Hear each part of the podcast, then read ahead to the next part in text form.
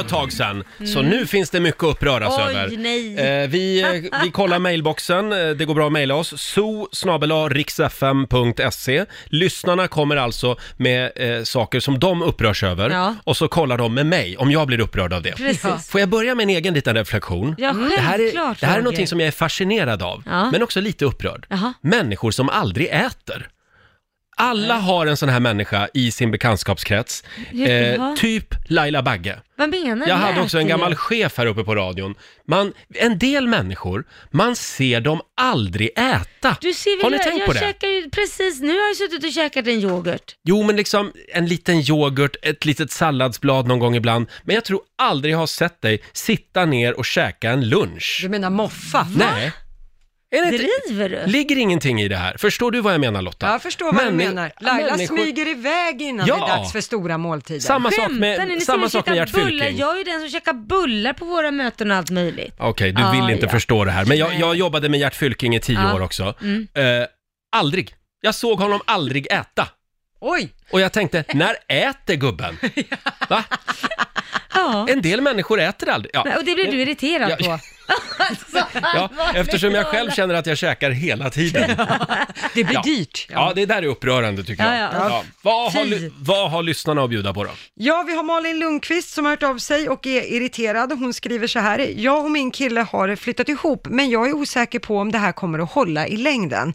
Eh, min kille är nämligen en av de människor som lägger tillbaka sådana här använda och brända tändstickor i asken. Nej. Ja, när jag har pratat med mina vänner så ser de inte det konstiga i det här, så nu hör jag av mig till dig Roger och hoppas att du är med mig i den här frågan. Tack för ett bra program från Malin. Ja, alltså vill man att huset ska brinna ner, då ska man göra så här. Man ska lägga Oj. tillbaka alltså tändstickorna i asken.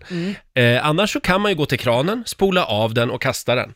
Oj, det, det låter Hur jättejobbigt. gör du, Laila? Ja, jag, jag är ju den där som vill att huset ska brinna Mm. ner, absolut. Men varför håller ni på så? Vad är det jag för har gjort det hela människor? mitt liv, det har aldrig hänt något.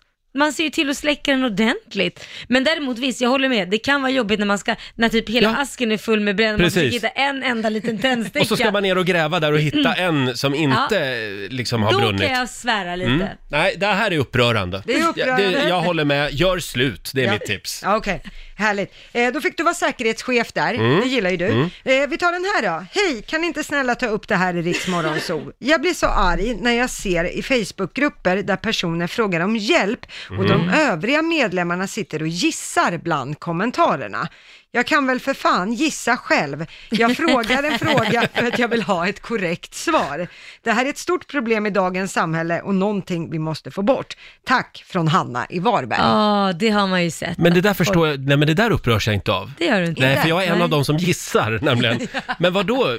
Man måste väl få skriva vad man tror? Nej men det kan jag hålla med om att om man frågar efter en specifik sak Mm. och folk börjar gissa, ja men gissa kan man ju göra själv. Det är inte det man är ute efter, man vill ju ha ett riktigt svar. Ja, så men ett- har du inte det, ge inte Nej, något. men ett tips. Fråga Ja. inte på Facebook då. Googla själv Jaha, istället. Gå in, måste på, man- gå in på Wikipedia, nu ska man inte tro på allt som står där. Eller köp Nationalencyklopedin. Oj, där var ord inga visor. Ja, Ja, den gick du inte på nej, alltså. jag blev inte Nej. upprörd. Nej, vill du ha en sista? Ja. Eh, hej bästa Rix Morgonzoo. Förr i tiden så hade ni programpunkten Upprör Roger och nu har jag Ja. någonting som jag tror att Roger kan känna igen sig i. Mhm. Jag bor hemma med min familj. Vi är sex personer där den yngsta är 16 år. Det vill säga att alla är mer eller mindre vuxna. Mm. Trots att de klarar att ta hand om sig själva så verkar de helt oförmögna att sätta rätt lock på rätt färgpenna. Ja.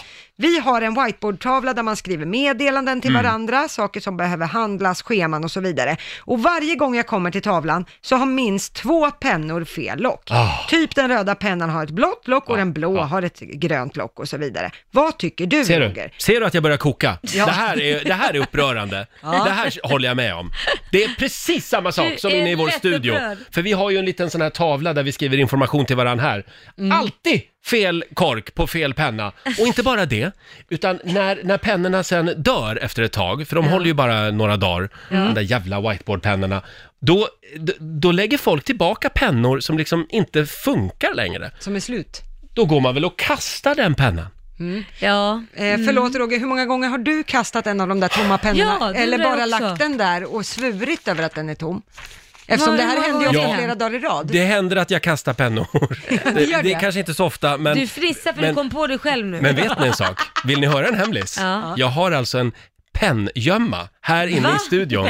Jo, jag tänker inte säga var den är. Så du är den som snor pennan från alla andra programledare? Jag har gått till kontorsförrådet, hämtat tre egna whiteboardpennor som bara jag vet var de finns. Mm. Alltså, Sen lägger jag så- tillbaka dem där varje dag. Det är sant. Förlåt, Ja. ligger det där i det här stora Jag memory-spelet? tänker inte som- säga var jag har min penngömma, men Nej. eh, det, så jobbar jag. Ja, För det, jag är så trött på alla trasiga pennor som bara ligger. Då kan vi konstatera att du och Anette Wilhelmsson här, ni är som ler och långhalm Ja. vad gäller pennor.